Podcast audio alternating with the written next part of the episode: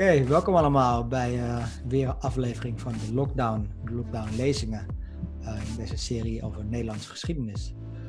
Um, vandaag heel erg blij dat we uh, Dennis Bos als gastspreker hebben. Um, de meeste mensen die zich een beetje in linkse kringen bevinden, kennen Dennis wel. Of in ieder geval zijn werk. Um, en ja, geweldig blij dat hij dit wil doen. hij zal een lezing geven over heel het kort, uh, militante onderop en machinale figuren in de geschiedenis van het socialisme en de arbeidersbewegingen. Um, en daarbij de nieuwe mogelijkheden van historisch onderzoek vandaag de dag um, door de digitalisering van allerlei uh, soorten bronnen. Van, vanuit kranten, uh, maar ook vanuit politie- en bevolkingsregister. Um, dus ik ben heel benieuwd wat, ja, wat dit nieuwe onderzoek zeg maar, ons brengt voor de geschiedenis van onze bewegingen. Maar jullie kennen Dennis misschien ook van zijn uh, vele publicaties in de afgelopen uh, twintig jaar. Um, of ik een aantal zal opnoemen. Uh, 1996 al, een tijd geleden, Dennis. Mm -hmm. dus, dat is denk ik nog voordat je je PhD hebt afgerond, of niet? Nou. Ja, het is mijn doctoraalscriptie. Kijk, ja, ja, ja. ja. ja. Dennis de, deze, heeft zijn PhD afgerond aan de Universiteit van Amsterdam, maar in 1996 al een uh, biografie gepubliceerd van een Joods-Amsterdamse revolutionair getiteld Vele woningen, maar nergens een thuis. Barend Lutheraan, 1878-1970. Um, daarna komt het boek, maar daar kom ik zo op. En in 2002 uh, schreef hij een inleiding voor heruitgave van Willem III, Koning Gorilla. Dat is een berucht socialistisch uh, roddelpamflet uit 1887 uh, over de vorst Willem III. Um, ander interessant artikel wat jullie misschien willen opzoeken um, en vandaag de dag zeer relevant is, uh, publiceerde Dennis in 2005 in de European Review of History, Building Barricades, the Political Transfer of a Contentious Roadblock. Misschien uh, zitten er enige lessen in voor vandaag de dag, voor wie uh, meer van de praktische kant is. Um, 2007 uh, publiceerde Dennis als een van de editors um, samen met Marjolein Hart, een andere spreekster in deze serie, uh, een boek over uh, humor en social protest. Uh, heb wel eens een lezing van Marjolein het hart daarover gezien. Ook zeer interessant en uiteraard heel erg leuk. Um, zijn laatste boek, als ik het goed heb, Dennis, is Bloed en Barricade. De Par Parijse Commune herdacht. Ja. Um, dus over de herinneringen aan de Parijse Commune. En ik hoorde net al in het voorgesprek van Dennis dat een aantal jaar geleden tijdens de ontruiming van enkele kraakpanden hier leuke berichtjes kreeg van, uh, van enkele mensen dat uh, vele mensen daar zijn boek over de Parijse Commune aan het lezen waren. Altijd ja, zeker. Impact hebben. Ja, ja dat, is, uh, ja, dat is valorisatie, heet dat. Hè? Valorisatie, ja, ja. Ik weet niet of de universiteit er net zo over denkt, maar. um, en als laatste, maar een boek dat al 2001 uh, dateert. En ik, ik, dacht, dit is zijn meest populaire boek, dat in ieder geval de meeste hmm. mensen in uh, uh, activistische kringen wel gelezen hebben. Maar misschien is het het boek over de Parijse Commune inmiddels. Maar dat is dit boek. Um, Waarachtige volksvrienden, de vroege socialistische beweging in Amsterdam, 1848 tot 1894. Um, echt absoluut aanraden voor de geschiedenis van Amsterdamse radicale sociale bewegingen. Uh, we zullen al deze boeken ook uh, linken in de show notes uh, hieronder. en als laatste wil ik ook bij zeggen dat um, de meeste van, van deze boeken ook op dit moment nog verkrijgbaar zijn. Een van de enige, misschien wel laatste overgebleven radicale boekenwinkels in Nederland. Het Fort van Chaco in Amsterdam. ook daarna zullen we een link in de show notes plaatsen naar zijn boeken die je bij hem kunt bestellen of bij hen in de Jodenbreestraat in de winkel kunt, kunt ophalen. Oké, okay, dat allemaal gezegd hebben. Uh, Dennis, zeer ja. welkom. Heel blij je te hebben. Uh, ja, hoe, hoe is het voor jou geweest de afgelopen maanden? De, de lockdown, uh, thuis, tijdens het werk? Ehm, ja, ik vond het heerlijk. Eh, in die, ik, ik vond het heel fijn om even helemaal geen... om alle verplichtingen in één keer te zien vervallen, behalve dan het onderwijs. dus niks kon meer. En dat geeft eigenlijk wel heel veel ruimte. Ik heb met onderwijs, ik had twee werkgroepen, dus ik heb met, met die studenten daarvan wel geprobeerd intensief contact te houden. En de mhm. meeste daarvan hebben ook de cursussen af kunnen ronden. En dat geldt ook voor de scripties. Dus dat was eigenlijk hard werken. Ik heb ook de indruk dat mijn ogen erg achteruit zijn gegaan door al het beeldscherm staren. Dat ga ik er binnenkort eens laten meten. Maar ik vond het wel fijn. Ja. Maar je hebt geen lezing hoeven geven uh, voor, voor je. Ik heb mijn student, ik, ja, ik zat met die cursussen al halverwege. Ja, één op één. En ik, heb, ik was een beetje angstig voor dat praten in de camera. Dat is voor mij ook helemaal geen prettige, of geen geruststellende setting. Wel nu, zijn, nu zijn we nog dankbaarder dat je dit wil doen. maar ik, ja, ik ben nu dus aan het oefenen, want in september moet ik er natuurlijk wel aan geloven. Dan, uh, dan ga ik echt college geven op, uh, op scherm. Ja. Oké. Nou, ik ben heel blij dat wij, um, wij je oefen, uh, ja, ja. oefenplek zijn. We gaan het zien. Ik ga mezelf uit beeld toveren en mm -hmm. ja, ik zie zelf heel erg uit naar je lezing. Dus nou, ik spreek je zo weer. Oké ja, dan, dan moet ik het gaan doen. Um, het is wel confronterend als je die publicatiedata van mijn vorige werk uh, zo op gaat noemen. Vind 20 jaar toch wel heel lang geleden eigenlijk. Terwijl ik in 2000, toen mijn proefschrift, uh, 2001 kwam mijn proefschrift over die vroege Amsterdamse socialisten uit. En toen had ik eigenlijk het idee dat ik al 20 jaar te laat was. En, en nu is het nog weer 20 jaar later. En daar wil ik het eigenlijk vandaag over hebben. Over een beetje een uh, min of meer op de achtergrond geraakte traditie van geschiedschrijving van de socialistische arbeidersbeweging uh, in Nederland. Die is rond 19, 1980, dus dat is nu 40 jaar geleden. Is dat een, een heel breed terrein geweest binnen de geschiedschrijving. Velen hielden zich daarmee bezig. Ik heb het dan over de Nederlandse geschiedschrijving van de Nederlandse arbeidersbeweging. En dat was rond 1980, laten we zeggen 1975, 1985, echt een enorm uh, populair onderzoeksveld. Uh, er verscheen heel veel, er werden heel veel initiatieven genomen, er waren heel veel mensen die zich op dat terrein specialiseerden. En dat is, dat is natuurlijk geen toeval, dat is onderdeel van de nederlaag van links rond 1989, 1990. Dat onderzoeksterrein is min of meer op de achtergrond geraakt en er zijn hele andere velden binnen de geschiedschrijving die sindsdien uh, veel meer aandacht hebben gekregen. Dus toen ik in 2001 promoveerde op die Amsterdamse socialistische arbeidersbeweging, um, toen waren de mensen met wie ik in discussie was over dat onderwerp, uh, die waren voor een deel al gepensioneerd of die hadden twintig jaar eerder gepubliceerd. Dat was een interessante, maar ook wel wat eigenaardige toestand. Uh, waar, die, waar ik me niet door liet weerhouden. Ik bedoel, er is geen mooi onderwerp. Dus er was voor mij geen vraag om of ik dat uh, daarvan af zou zien. Maar goed, die traditie is dus wel wat uh, minder populair geworden in de afgelopen 40 jaar. En ik denk dat daar momenteel uh, ruimte is om dat weer om te draaien. Dat er daadwerkelijk nieuwe mogelijkheden zijn voor historisch onderzoek. Dat heeft te maken met technische ontwikkeling, met digitalisering. Daar kom ik straks op terug. Uh, en dat betekent ook, die nieuwe technische mogelijkheden betekenen ook dat het verhaal over de geschiedenis van die vroege socialisten, dat dat op een andere en op een nieuwe manier kan worden verteld. En ook dat er nieuwe verhalen over te vertellen zijn. Dat er die geschiedschrijving zoals die er is, dat er ruimte is voor aanvulling en, voor, en daarmee ook voor een compleet nieuw beeld uh, op wat die beweging betekende voor de mensen die er deel van uitmaakten, wat die wat die uh, socialistische arbeidersbeweging daadwerkelijk was. Ik denk dat de oude geschiedschrijving daar een vertekend beeld van heeft uh, gemaakt. Uh, en dat, dat, er nu mogelijkheden zijn om dat te verbeteren, om dat beeld scherper te krijgen. En waar het me dan, wat mij fascineert aan die beweging, is eigenlijk wat me ook fascineert aan de beweging van vandaag de dag.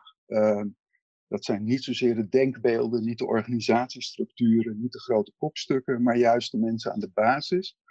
Uh, de dagelijkse cultuur. Wat maakt dat linkse mensen elkaar in één oogopslag herkennen? De kleding, de, de merken bier, de, de, uh, de aankleding van de zaaltjes. En uh, de sociale banden die mensen met elkaar verbinden buiten formele organisatiestructuren. Dus hoe komt het dat ik een aantal mensen die betrokken zijn bij deze podcast, dat ik daar nooit lid mee lid ben geweest van een club, terwijl ik ze wel al jaren ken en herken. En hoe komt het dat wij elkaar op die manier hebben ontmoet? Dus dat is het soort geschiedenis waarvoor ik denk dat er uh, nieuwe mogelijkheden zijn. En wat een vernieuwing zou zijn op het oude beeld. Want wat is, daar wil ik dan mee beginnen, een soort heel kort overzicht van de aard van die bestaande geschiedschrijving. En die is eigenlijk al heel oud. Hè? De socialisten zijn al heel snel zelf begonnen met het schrijven van hun geschiedenis. Dit is een prachtig klassiek werk uh, van Willem Vliegen, zelf de voorzitter van de SDAP, die met de Dageraad der Volksbevrijding al in 1902 begint met de geschiedschrijving van zijn eigen uh, organisaties. De organisaties waar hij lid van is geweest. En die organisatie heeft altijd een soort centrale rol gespeeld in het verhaal. Naast natuurlijk de geschiedenis van ideeën, hè, de, de denkbeelden, de Marxen, de, de, de Kropotkins, die hebben altijd veel aandacht gekregen. Daarnaast de organisaties, en dat, dat krijgt heel vaak gestalte uh, rond um, historische momenten. Hè. De, de partij bestaat 10 jaar, de partij bestaat 25 jaar. Dan verschijnt er een gedenkboek waarin het bestaan van de organisatie wordt gerechtvaardigd. Daarnaast zie je veel boeken over bepaalde um, momenten in de geschiedenis die cruciaal zijn. Beroemd de, de spoorwegstakingen van 1903. Um, ehm, dat levert een, een vroeg uh, historisch proefschrift op. Dat is een soort professionalisering van het onderwerp. Um, en dan gaat het dus over, niet over de organisatie, gaat het niet over denkbeelden, maar gaat het over gebeurtenissen in die beweging. Um, en daarnaast, naast deze drie uh, ingangen op de geschiedenis, is al heel vroeg een cruciaal uh, aspect van die geschiedschrijving de aandacht voor concrete levens. Dus biografische methodes om de beweging te schetsen. En dat doet bijvoorbeeld um, Willem Vliegen doet dat al vanaf 1902. Dat boek van hem is een geschiedenis van de socialistische arbeidersbeweging, van dag tot dag. Maar die hoofdstukken worden steeds onderbroken door een intermezzo, waarin hij uh, een aantal kopstukken van vroeger in het kort hun leven beschrijft. Altijd met een foto erbij. Dus daar worden Domela Nieuwenhuis, maar ook de kleinere goden, die krijgen daar een paar bladzijden biografie. En dat is eigenlijk heel kenmerkend vanaf een vroeg begin voor die socialistische geschiedschrijving. Um, en je kunt je voorstellen, dat heeft later natuurlijk de vorm gekregen van wetenschappelijke biografieën. Hè. De, ehm, we hebben de laatste jaren biografieën gezien van Pieter Jelle Stroelstra, van um, uh, Domela Nieuwenhuis, uh, ook kopstukken van de CPN. Hè. Paul de Groot heeft een vuistdikke biografie gekregen. Dat zijn voor de hand liggende figuren om als onderwerp voor een biografie uh, te dienen. en dat is, dat is mooi, dat, is, dat levert heel veel op. Maar ik denk dat juist die nieuwe technische ingangen op het bronnenmateriaal, de digitalisering van kranten, dat die het mogelijk maakt om ook de mindere goden aandacht te geven. En dat is eigenlijk een streven wat ook al heel lang bestaat, maar wat lange tijd heel erg moeilijk is uh, gebleven. Hè? Waar vind je de gegevens over iemand die niet dagelijks in de krant stond? Vrucht van het biografisch streven, door, ook door wetenschappelijke historici, is uh, een prachtige reeks. Ik heb hier het laatst in boekvorm verschenen deel uh, van het biografisch woordenboek biografisch woordenboek van het socialisme en de arbeidersbeweging in Nederland. Dat zijn korte biografieën. Dus zoals Vliegen dat deed, uh, in een paar bladzijden de betekenis, het leven schetsen van een vroege socialist. Of uh, daar zitten hier trouwens ook uh, feministen en vakbondsleiders uit protestantse christelijke en katholieke kring in. Mensen die van betekenis zijn geweest. dat zijn negen delen in boekvorm. Inmiddels is zijn al die lemma's ook gedigitaliseerd en worden ze ook aangevuld met uh, nieuwe lemma's over figuren die niet in de negen boeken staan, maar die dus inmiddels wel een volledige biografie hebben gekregen. Um, en het is interessant om te zien wie daar dan in aanmerking komen voor zo'n lemma in die reeks. En de redactie heeft al heel lang geleden, al in de jaren zeventig, lijsten opgemaakt van wie ze daarin zouden willen hebben. En dat zijn de geëikte kopstukken, dat is in Domela Nieuwenhuis een Troelstra, Henriette Roland Holst.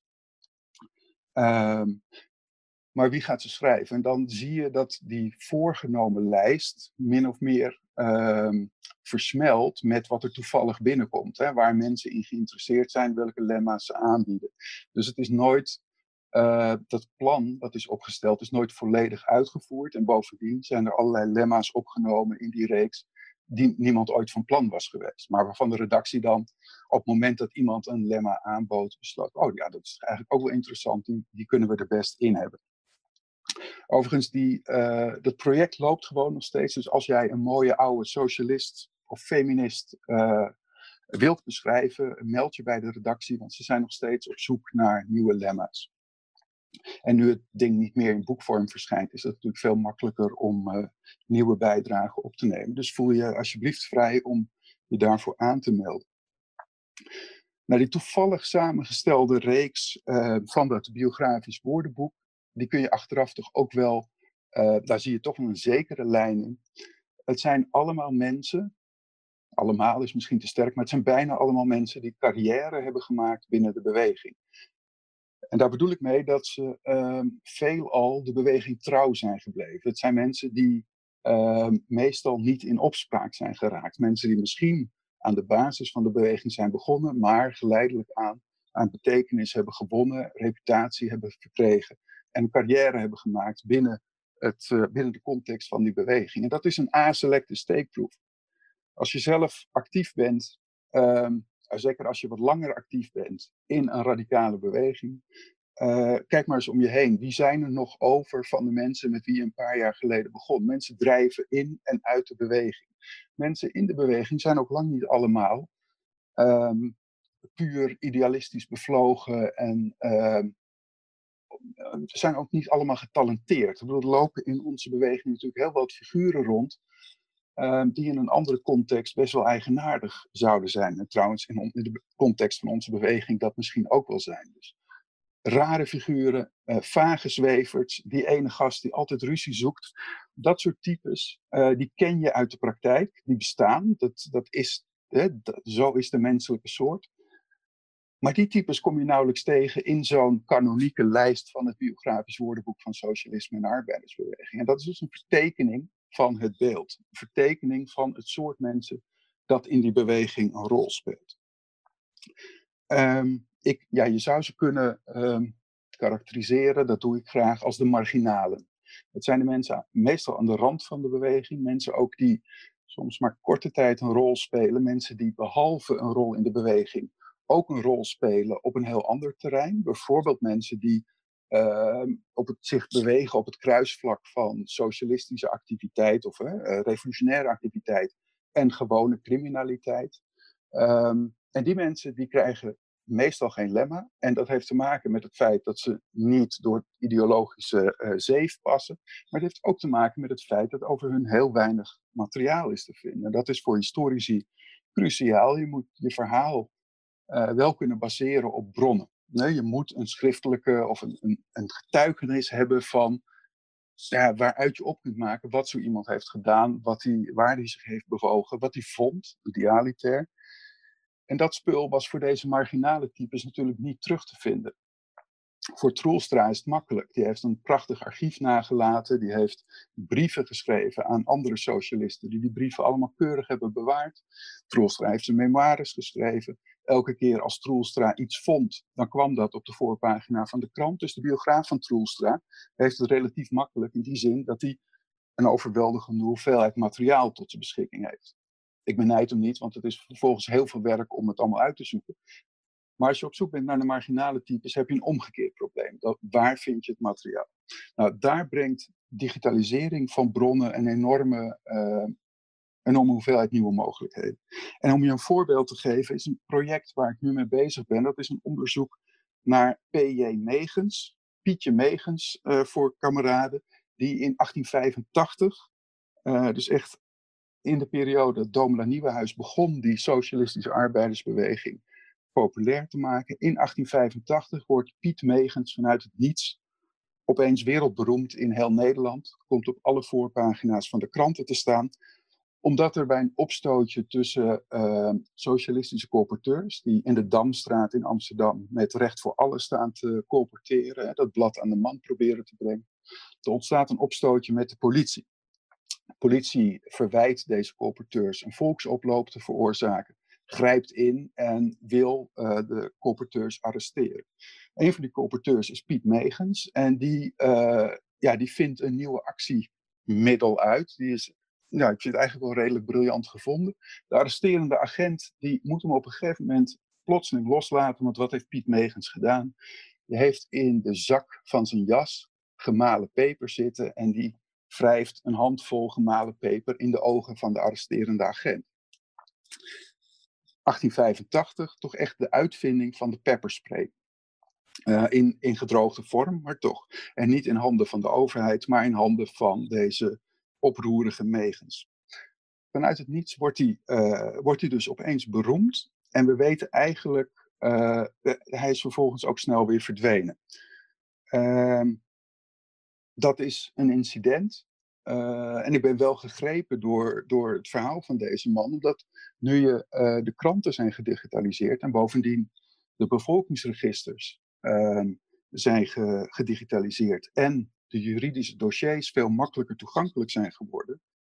Ik, ik raakte echt gefascineerd door die eh, figuur van Megens, die dan zo creatief is om op het uh, op het juiste moment een handvol peper in de ogen van een agent te strooien, maar die vervolgens ook weer verdwijnt uit de geschiedenis van die arbeidersbeweging. Ik bedoel, je vindt hem niet terug uh, bij vliegen, je vindt hem niet terug in het biografisch woordenboek. Waar, komt die man vandaan en waar gaat hij naartoe? Dus dat ben ik gaan onderzoeken en dat kan nu veel beter dankzij gedigitaliseerde kranten, dankzij gedigitaliseerde uh, archieven van het bevolkingsregister en de burgerlijke stand en door het veel toegankelijker worden van juridische dossiers. En dan blijkt dat die Megens um, in 1867 voor het eerst in aanraking met justitie komt. En dan is hij nog maar 13 jaar oud. Dan heeft hij een, uh, een, een op straat slapende dronkaard beroofd van zijn portemonnee wordt veroordeeld tot zijn eerste straf van vier maanden en verdwijnt dus als dertienjarige uit Amsterdam. Nou, dat wordt een patroon dat zich zijn leven lang voortzet. Hij verdwijnt ieder jaar wel voor een paar maanden naar de gevangenis, komt dan terug in Amsterdam, uh, duikt weer op in het huis van zijn ouders, uh, die ook uh, voortdurend in de meest armoedige stegen en sloppen van Amsterdam huizen. Maar in 1885, 86 blijkt hij dus aan, aangespoeld te zijn in die socialistische beweging. En als hij dan voor dat peperstrooien uh, de gevangenis ingaat, dan gaat hij dus als politiek gevangene de, uh, naar Leeuwarden. En wordt hij ook door de beweging nog een tijd lang uh, erkend als politiek gevangene. Als hij daarvan terugkomt, mag hij zelfs spreekbeurten gaan houden. En dan gebeurt er iets heel fascinerends, wat ik absoluut niet had verwacht. maar wat ik dus ontdekt heb dankzij de gedigitaliseerde kranten uh, Pietje Megens, de, ja, de draaideurcrimineel en peperstrooier, blijkt gewoon een hele, uh, uh, wat zal ik zeggen, een hele actieve dichter. Hij schrijft in de gevangenis gedichten over het gevangenisleven, over het socialisme. En die dingen worden gepubliceerd in de partijpers, hè, in de krant Recht voor Allen van, van Domela Nieuwenhuis. Daar, verschijnt, daar verschijnen gedichten van PJM, van Pietje Megens. Had ik absoluut niet achter hem gezocht. Uh, en dat maakt hem des te fascinerend. Hij is niet alleen een dief, niet alleen een vechtersbaas en biasklant, hij is ook een socialistisch dichter. En hij gaat ook, dat zijn misschien wel zijn meest fascinerende stukken, hij wordt uh, in 1889 veroordeeld tot zeven jaar gevangenisstraf. En dat krijg je niet voor vechten met een agent of inbreken. Dat is uh, een doodslag. hij heeft, zich, hij iemand doodgeslagen. Dat heeft hij niet als socialist gedaan, maar hij presenteert zich wel als slachtoffer van de klassenjustitie. Hij schrijft ingezonden brieven vanuit de gevangenis aan de krant, waarin hij de hoogte van zijn straf wijt, of ja, de, de rechter verwijt dat hij als socialist zo'n zware dauw heeft gekregen. Als hij terugkomt in de beweging, dan is het inmiddels 1896, dan gaat hij ook weer op tournee. Hij komt uh, in verschillende steden uh, in Nederland aan het woord om te vertellen over zijn, uh, over zijn, zijn ervaringen als politiek gevangene. Uh, en dan ontstaat er een beetje twijfel in het publiek van is dit nou wel echt een politieke gevangene? Socialisten van verschillende afdelingen gaan inlichtingen inwinnen van kent iemand die Piet Megens? En dan zie je, dit is de periode dat sociaaldemocraten zich af gaan keren van de al te revolutionaire tradities uit de tijd van Dominee Nieuwenhuis. Dan zie je dat de beweging zich van hem afkeert. En dan dat hij ook geen aansluiting meer vindt en dat hij langzamerhand uit het zicht verdwijnt. Um, dat is zo rond 1900 wel, uh, wel het geval. Maar goed, hij heeft die rol gespeeld en um, hij heeft sporen nagelaten. Die gevangenisbrieven van hem aan de pers, die gedichten die hij publiceert, in één geval ook in brochurevorm, dus echt als dichtbundeltje, die zijn er. En die zijn nooit onderzocht. Die zijn geen deel van het verhaal over de socialistische arbeidersbeweging. Ik denk dat dat zonde is. Ik denk dat naast een Domina Nieuwenhuis, naast een Pieter Jelle Stroelstra, ook Pietje Megens uh, recht heeft op zijn verhaal. Niet omdat ik hem nou zo sympathiek vind. Uh, ja, ik vind hem heel sympathiek en ik vind het een heel mooi verhaal. Maar ik denk ook dat als je wilt begrijpen hoe die vroege socialistische beweging eruit zag, wat voor mensen daar deel van uitmaakten, dat je verder moet kijken dan die kopstukken en verder moet kijken dan de organisatorische stoere werkers die geleidelijk aan carrière maakten en van, uh, wat zal ik zeggen, afdelingssecretaris opklommen tot voorzitter van een landelijke vakbond. De types die in het biografisch woordenboek zitten. Ik denk dat voor een goed begrip van hoe die beweging eruit zag, wat voor mensen dat waren, dat je ook naar dit soort marginale types moet kijken. Uh, dat levert een beeld op van de beweging dat veel meer recht doet aan de werkelijkheid. En ik denk ik loop al een tijdje rond in activistenkringen. Ik heb, ik heb, uh, ik heb dat jarenlang met veel sympathie uh, bekeken en dat doe ik nog steeds. Maar ik heb, ik heb me altijd het meest thuis gevoeld bij die beweging op momenten dat je zag wat voor een rare hutspot aan uh, uiteenlopende types dat waren. Ik bedoel, die werkloze elektricien die Hegel doorgrondde, die daar via Marx op was gestuurd, dat zijn de types die die beweging tot een, uh, tot een fascinerend geheel maken. En die zou je dus uh, ook in de geschiedenis van zo'n beweging uh, in beeld willen brengen. Misschien moet ik het daar voor nu even bij laten. Oké, okay, dan kom ik weer in beeld. Heel erg bedankt. een goed einde? Ja? ja, absoluut. Heel erg fascinerend. En um, ja, ik heb zeker heel wat vervolgvragen. En Fijn. Nee, ik, vind, ik vind het heel fascinerend. Um, dit, dit soort geschiedenis onderop bestaat natuurlijk wel, maar hm. de meeste geschiedenis wordt geschreven door intellectuelen. En die focussen zich dan ook heel snel op andere intellectuelen, die wij in het, algemeen, als, in het algemeen als de belangrijkste actoren zien. Mm um, maar dat is natuurlijk een heel vertekend beeld van die sociale bewegingen. Um, Zowel hoe ze, hoe ze waren, uh, maar ook uh, hoe ze in stand gehouden werden, wie er, wie er echt uh, invloed hadden. Uh, Zoals je zegt, allerlei ja, marginale figuren die, die maken de beweging tot op zekere hoogte ook. Maar ook, misschien wel daar voorbij, heel veel van de um, hardst werkende orga organizers, zouden we het vandaag de dag noemen, um, die komen ook bijna niet voor in geschiedenisboeken. Of in ieder geval heel wat daarvan zullen nooit worden opgenomen of, of ja. um, krijgen niet de aandacht die voor een intellectueel uh, mm-hmm. wel krijgt. Um, terwijl zonder die organizers die, die het, uh, ja, um, het gros van het organisatorische werk doen, uh, ja. heel dingen überhaupt niet eens mogelijk zijn. Dan zou er in deze, dat zaaltje in de kerk zijn waar um, Domein Nieuwhuis kon spreken, bij, bij wijze van spreken. Nee. Dus dat vind ik ja, fascinerend. En, en misschien als eerste vraag, omdat dat de specifieke focus van je, van je praatje is. Is hm. het, is het nou zo dat uh, door die digitalisering van vele bronnen, um, is het simpelweg gewoon zo dat, dat het daardoor makkelijker is uh, te zoeken en dingen te vinden? Of komen er ook heel veel nieuwe bronnen ja. uh, naar voren? Ja, het is, die het is daarvoor eigenlijk verloren waren of vergeten ja. waren. Ja, om te beginnen is het onmogelijk, onvergelijkbaar veel makkelijker geworden. Ik bedoel, een onderwerp wat uh, vroeger uh, vijf jaar bladeren in het, in het ISG, in oude jaargangen zou kosten.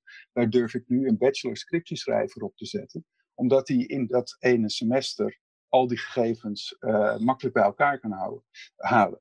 En, uh, en dat levert heel veel mooie nieuwe dingen op. Maar daarnaast, wat, kijk, wat de huidige overheid, de surveillance staat, probeert, het koppelen van bestanden, dat doen ze niet voor niks. En dat is wat ik nu ook probeer. Ik probeer historische bestanden te koppelen. En dan zie je dat dat meer oplevert dan de som van de, uh, hè, van de samenstellende delen. Dat levert echt ook nieuwe, uh, nieuwe manieren van zien op. Uh, ik ben bijvoorbeeld ehm, nu gestuurd op iets wat ik al heel lang fascinerend vind: het belang van familiedynastieën. je hebt dat niet alleen, eh, niet alleen in koningshuizen, maar ook in die beweging. En dan zie je bijvoorbeeld dat een heel aantal van de Indonesië-weigeraars, de jongens die in de koloniale oorlog van 1945, 1950 weigerden om naar Indonesië te gaan, dat die dat niet vanuit het niets doen, maar dat hun, uh, bijvoorbeeld hun ooms de, uh, in de jaren 20 dienst weigerden. En dat de moeder van die ooms, dus de grootmoeder van je Indonesische dienstweigeraar, dat die uh, huishoudster was bij Domela Nieuwenhuis. Nou ja, dat vind ik, dat, daar is dus, dat is niet af te lezen aan uh, de geschiedenis. Het is ook niet af te lezen aan de familienaam. Want in dit geval, de man waar ik aan denk, uh, het was zijn moeder die deel uitmaakte van deze familie. Dus hij is aan zijn achternaam niet te herkennen. Maar dat is dus een dynastie van anarchisten die door Domela Nieuwenhuis persoonlijk zijn opgevoed. Die dat in de jaren 20 en 30 en in het verzet in de oorlog hebben volgehouden. Die, dat is ook fascinerend, in de jaren 30, 40 overgaan van anarchisme naar de communistische beweging. En die dan vervolgens na de oorlog, na het verzet, uh, weigeren in Indonesië te gaan vechten. Ja, dat, dat zijn dingen die uh, zijn nu vrij simpel uit te zoeken. Uh, en dat levert denk ik echt wel nieuwe inzichten op. Bijvoorbeeld in de, de continuïteit van die revolutionaire traditie. Ja. ja, en ik denk dat we ook allemaal uit eigen ervaring binnen de sociale bewegingen wel ja. voorbeelden kennen van, van oudere kameraden wiens kinderen opeens uh, naast je op de barricade staan. Ik zal geen Precies. voorbeelden noemen. Nee, nee, dat is prachtig. Is prachtig ja. om te zien. Wat ook mooi is, ik heb me altijd in de jaren tachtig vreselijk geërgerd aan die oude provo's.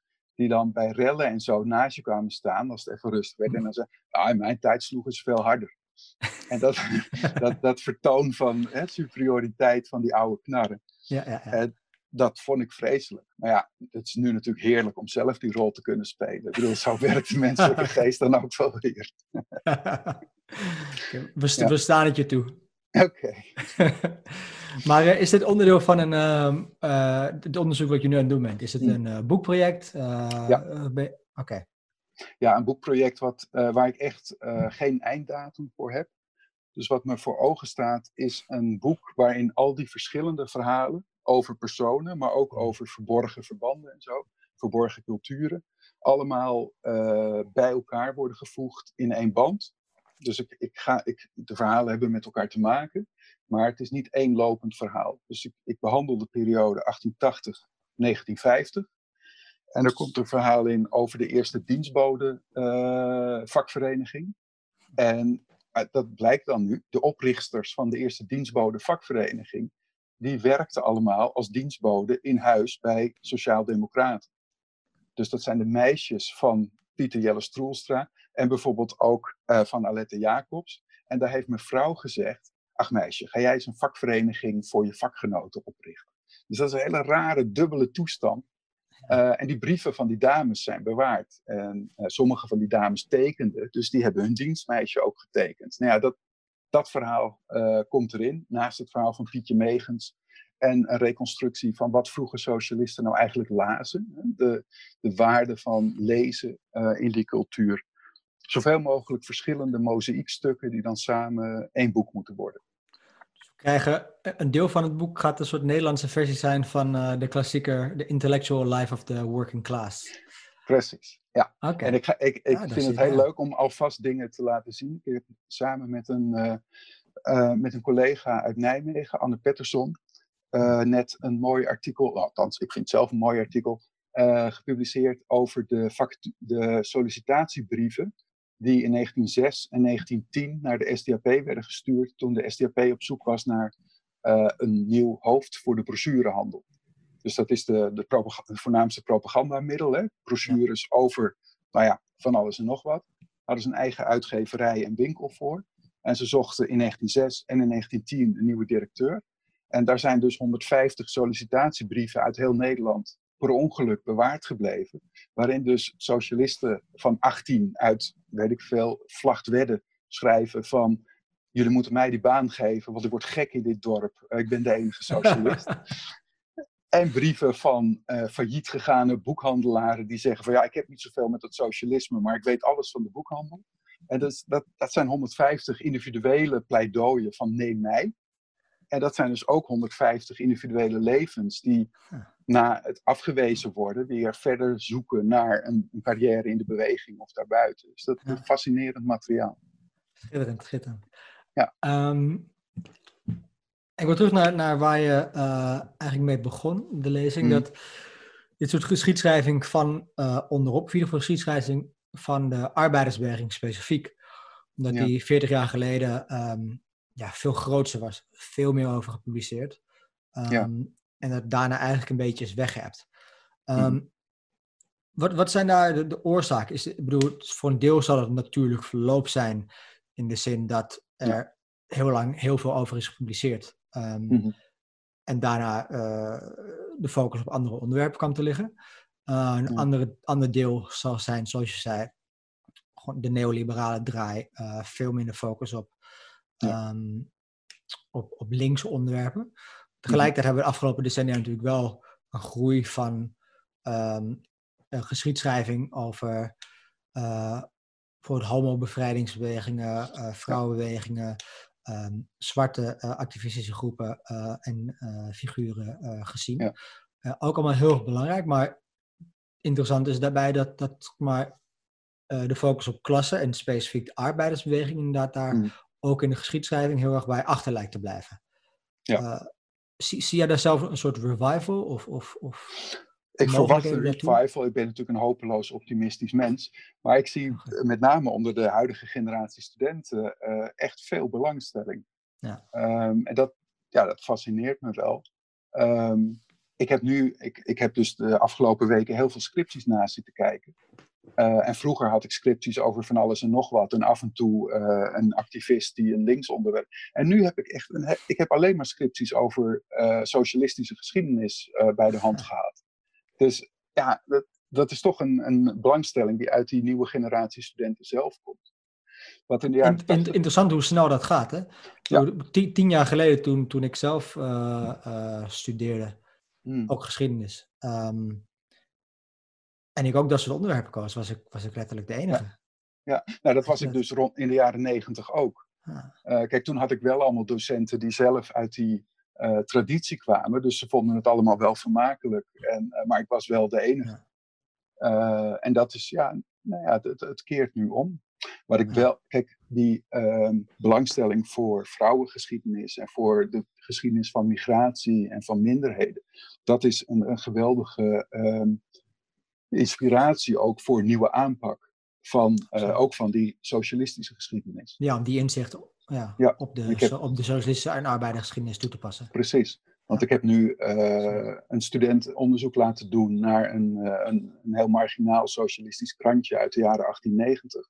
Die eigenlijk zich bewegen op de grens van klassenstrijd en roddelpers. Dus die klagen de bourgeoisie aan door te wijzen op allerlei zedenschandalen. Maar een van de zwaarste argumenten die ze steeds in stelling brengen is dat uh, een, een nou ja, een, een bourgeois naar keuze of een staatshoofd, dat die homoseksueel is. Ah, dat is wel het allerergste wat je iemand aan kunt wrijven. Nou ja, dat is natuurlijk vanuit moderne oog, uh, of nou ja, met een modern oog gezien, verschrikkelijke vorm van uh, perverse propaganda. Maar hij bestaat wel en hij uh, had kennelijk in de ogen van de makers een functie.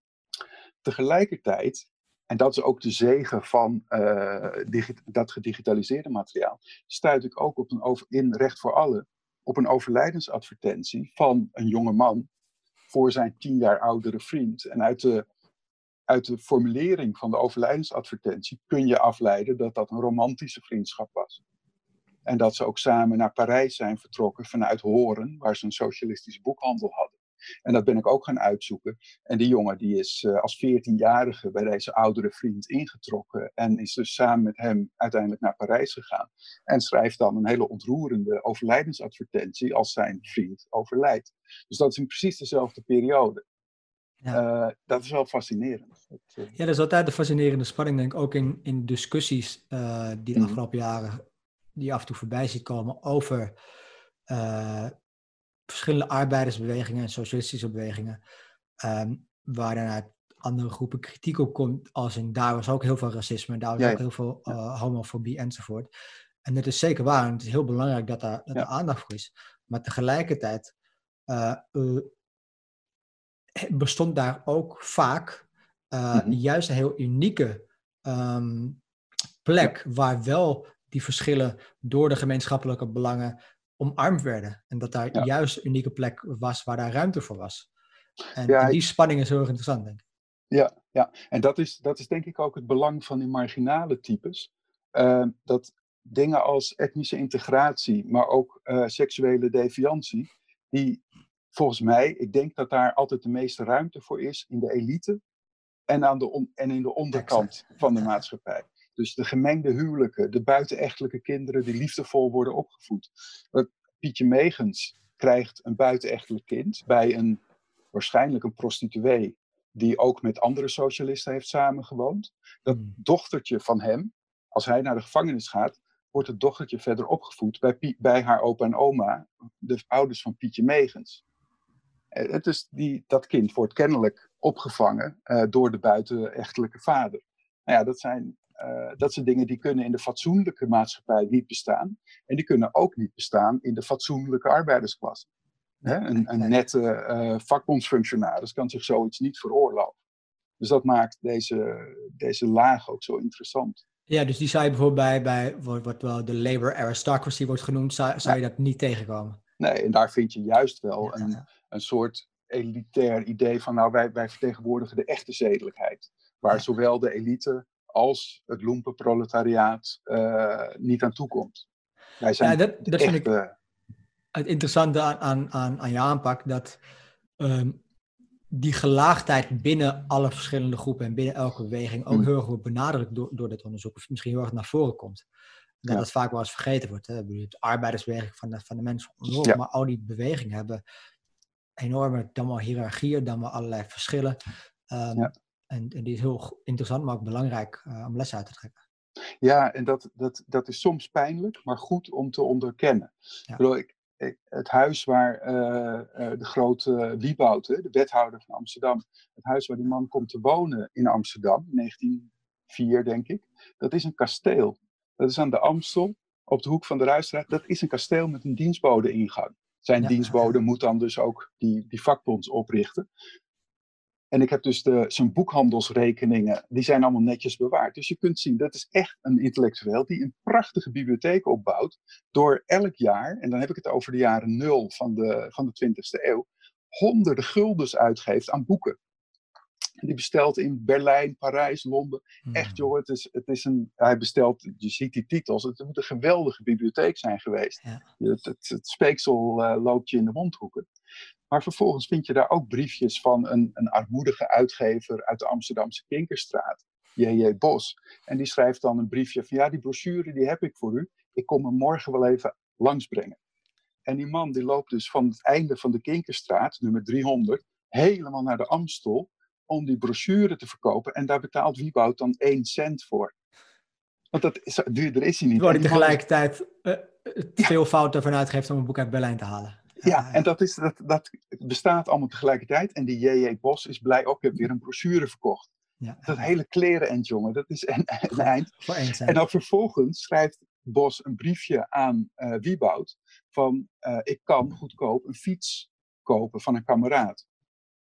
En dat zou voor mijn boekhandel heel handig zijn, want dan hoef ik niet meer alles te lopen. Kan ik 50 gulden lenen voor die fiets? En dan zegt Wieboud, nee, daar kan ik niet aan beginnen. Ja, ja, Wat op zich logisch is, want Wieboud moet voortdurend armoedzaaiers ondersteunen. Dus hij mag ook best een keer nee zeggen.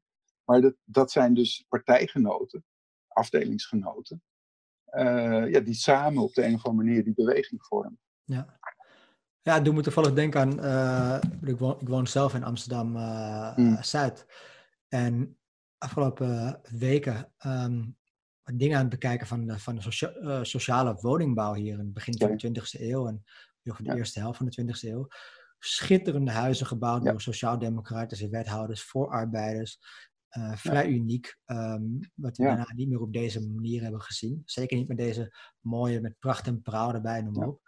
Maar dan zie je die foto's van de opening van zo'n mm. sociaal-democratische, niet radicaal-socialistische, maar toch wethouder. En die staat er dan in pak, allemaal, ja, zijn vrouw in een, in een soort bondjas ernaast heel hotel over de rest van die arbeiders heen te kijken. Dus een heel, heel bizar contrast dat ze zichzelf ja, toch nog heel erg erboven zagen en zeker geen onderdeel daarvan waren. Ja, nee, dat is, uh, dit is, het is uh, goed aan, of het, het, voelt op zich goed dat dat bij Sociaaldemocraten zo is. Uh, maar het was natuurlijk elders, was het ongetwijfeld ook, ja. waren er vergelijkbare dingen aan de hand. Ook in radicalere bewegingen. Een geweldig misverstand tussen, uh, tussen die sociale lagen. Ja. Ik bedoel, er is geen stigma, denk ik, geen stigma wat, wat, wat dieper steekt dan dat van klasse. Daar kom je ook niet van los. ook een radicale Marxist als Herman Gorter was een tennisser en een cricketer die, die nog nooit een, een, een lekkende kelder van dichtbij had gezien. En zijn kameraden, zoals Van Barend Lutheraan, waar mijn eerste boekje over ging, die ging op voet van kameraadschap om met Gorter. Maar ja, dat was wel een compleet ander leven. Ja, ja je, je kunt er bijna niet omheen. Nee, nee dat kan niet. En, nee, en ook vandaag de dag merk je dat binnen beweging absoluut. Ik bedoel ook, ook mensen met, met accenten die, die heel lokaal zijn. Of, of ja, net niet een bepaalde scholing hebben om bepaalde boeken of termen te kennen. Dat, dat, ja. En het mooie is dat iedereen wel zijn eigen bijdrage heeft. Want ik vind die marginale figuren niet alleen interessant omdat ze onbekend zijn en omdat ze me ontroeren. Maar ze hebben vaak een hele cruciale rol. Um, allerlei, met name allerlei actievormen worden echt op straat ontwikkeld. En een van de dingen die je in die gedigitaliseerde pers heel goed terug kunt vinden zijn de practical jokes. En die worden niet bedacht door Troelstra of Gorter of Dominee Nieuwhuis. Die worden bedacht door mensen in de Jordaan. En die bedenken op een dag dat als er verkiezingen zijn, dat je dan ook een doodskist rond kunt dragen met, weet ik veel, de naam van een socialistische wethouder erop. Hè, als protest tegen het parlementarisme. Dat soort uh, concrete uitvindingen. Uh, er is een prachtige foto, kijken of ik die terug kan vinden, van een, muurschildering die werft voor het knil, voor de Koninklijk Nederlands-Indisch leger. Uh, en dan zie je dus knilsoldaten die marcheren. En daar hebben een stel uh, Jordaanese anarchisten uh, in het hols van de nacht doodskoppen op die soldatengezichten geplakt. Dus overdag zie je daar het knil, uh, propaganda voor het knil, maar dan zijn het, nou ja, de levende doden die daar de, de, de tropen uh, intrekken.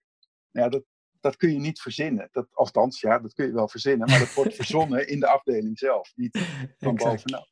Ja. De intellectuelen kunnen dat niet verzinnen. Precies. Het is de collectieve intelligentie van de klasse. Ja. Uh, misschien nog één uh, ja, vraag. Um, in hoeverre dat een rol speelt bij, bij het verdwijnen van, uh, van die focus op arbeidergeschiedenis. Ik bedoel, vroeger, mm. met, met name misschien over begin 20e eeuw, of in het eerste deel van de 20e eeuw, is je natuurlijk ook redelijk veel intellectuelen echt als onderdeel van een partij, van een so so sociale beweging. Zelfs tot aan, tot aan Joop den Uyl, ja. die echt echt serieus sociaal-democratische analyses schreef, die voor vandaag de dag extreem radicaal klinken. Mm -hmm. um, die gewoon verhouding tot, tot alles wat, wat ja. GroenLinks, PvdA, zelfs SP. Um, mm -hmm. En, en begin 20 eeuw had je natuurlijk bijvoorbeeld in Frankrijk mensen als eh, Jean Jaurès, de socialistische leider, die mij een 12 of 20 delige geschiedenis ja. van onderop van de Franse revolutie schreef. En die ook ja werd gedrukt en wijd werd verspreid. En flauw idee hoeveel mensen die, uh, die al die twintig delen zijn gelezen. Maar, maar alsnog, er was vanuit de beweging zelf heel erg gefocust op het schrijven van de geschiedenis van de beweging. Ja. Um, en ik weet niet wanneer dat precies is verdwenen. Uh, ja, dat, heeft, dat hangt nauw samen ook met uh, de conjunctuur van de beweging zelf. Want je ziet bijvoorbeeld ja. in de jaren 70 en 80 dat uh, allerlei vakbonden in Nederland uh, professionele historici opdracht geven om een geschiedenis van, die, uh, van de vakvereniging in, dat, in die bedrijfstak of in dat beroep te schrijven. Dus Ger Harmsen heeft daar een heel aantal projecten van gedaan en begeleid. Uh, dus aan de vooravond van de fusie hè, van NVV en de katholieke vakbeweging, ja. zie je dat allerlei bonden inderdaad geld over hebben om historici de geschiedenis te laten schrijven. Uh, dat soort opdrachten zijn er eigenlijk nauwelijks meer. Dat, uh, nee. Nou, klopt. Ik heb, ik heb hier heel wat boeken van Ger Harmsen liggen. Ja, ja. Maar dat met name uit zijn boekencollectie. Toen hij uh, overleed, ah. zijn die ja. naar mijn, uh, uh, voor een groot deel naar mijn boekhandel Antiquariaat Isis in Groningen gegaan. Daar heb ik ah, een heel, heel groot deel van overgenomen. Schitterend. Ja, ah, dat is mooi. Ja, ja, ik heb ze nog in de originele... Ja, ja, ik heb ze in de originele opstelling zien staan, in de kniepen. Uh, dus daar was ik ooit een uh, onafzienbare stal met, met boekenrekken. Heerlijk. Ja, ja, ja. ja. mooi. Nou, als afsluitende vraag dan. Um, ik heb volgens mij met jou nog wel eens een, een wandeltocht door de Jordaan gedaan. Waar ja. je daar vertelde van, uh, van waar, uh, wie waar woonde, waar de oproer was. En uh, ja. dat was schitterend. Heb je, doe, je dat, doe je dat nog? We hebben een, ik deed dat nog heel vaak vanuit het, of heel vaak niet, maar ik deed het nog regelmatig vanuit het Theo Thijssen Museum ja. in de Jordaan. Um, En ik had een plan om het in, Nieuw, in, in Oud-West te gaan doen. Ik zeg Nieuw-West omdat het vanuit de Jordaan geredeneerd in 1890 allemaal gloednieuw was. Maar er is inmiddels een nieuwer West. Maar de Amsterdamse gemeente heeft besloten ter indamming van de toeristenoverlast om dat heel strafbaar te maken als je niet een gidsdiploma van 200 euro hebt of een gidsvergunning. En dan mag je ook maar met acht mensen en zo. Dus, ik moet, e-, dus het Theo Museum is ermee gestopt. Maar ik moet even kijken hoe ik dat op een illegale manier toch, uh, toch weer op poten kan zetten. Ja, ik zou dus zeggen, in de traditie van de beweging uh, mogen we niet naar dat uh, verdik nee. luisteren. Dat vind ik ook. Dus we vertrekken om één uur s'nachts en dan gaan we wandelen. nee, maar dat, dat als, als corona een beetje wegblijft, dan komen er weer nieuwe wandelingen. Ja, ja dat, lijkt me geweldig. En, en zelfs, ja, bedoel, er zal vast een tweede golf komen. Um, ja. Ik weet uh, tegen de tijd dat we dit uh, online zetten, zitten we midden in de tweede golf. Ja. ja. Maar ja, het lijkt erop dat buitenactiviteiten in ieder geval een stuk veiliger zijn dan binnenactiviteiten. Dus misschien is het zelfs iets dat we zouden kunnen organiseren lijkt me heel tijdens de coronacrisis. Ja. ja, het is gewoon heel fascinerend om op de brug te staan waar Piet Megens als eerste peper in de ogen van een agent strooide. Ik bedoel, dat is historische grond. Het voegt echt iets toe. Ja, dat lijkt me geweldig. Nou, mocht, mocht het ten tijde dat we dit publiceren al bekend is wanneer het eventueel is, dan uh, zetten we dat ook in de show notes. Uh, maar anders uh, ja, publiceren we dat op andere wijze. Mooi zo. Oké, okay, dan is ja, een geweldig um, inspirerend praatje. Dankjewel. Nou, dank jullie wel. Heel fijn okay. om te mogen zijn. Oké dan. Nou, tot op straat. Ja, zeker.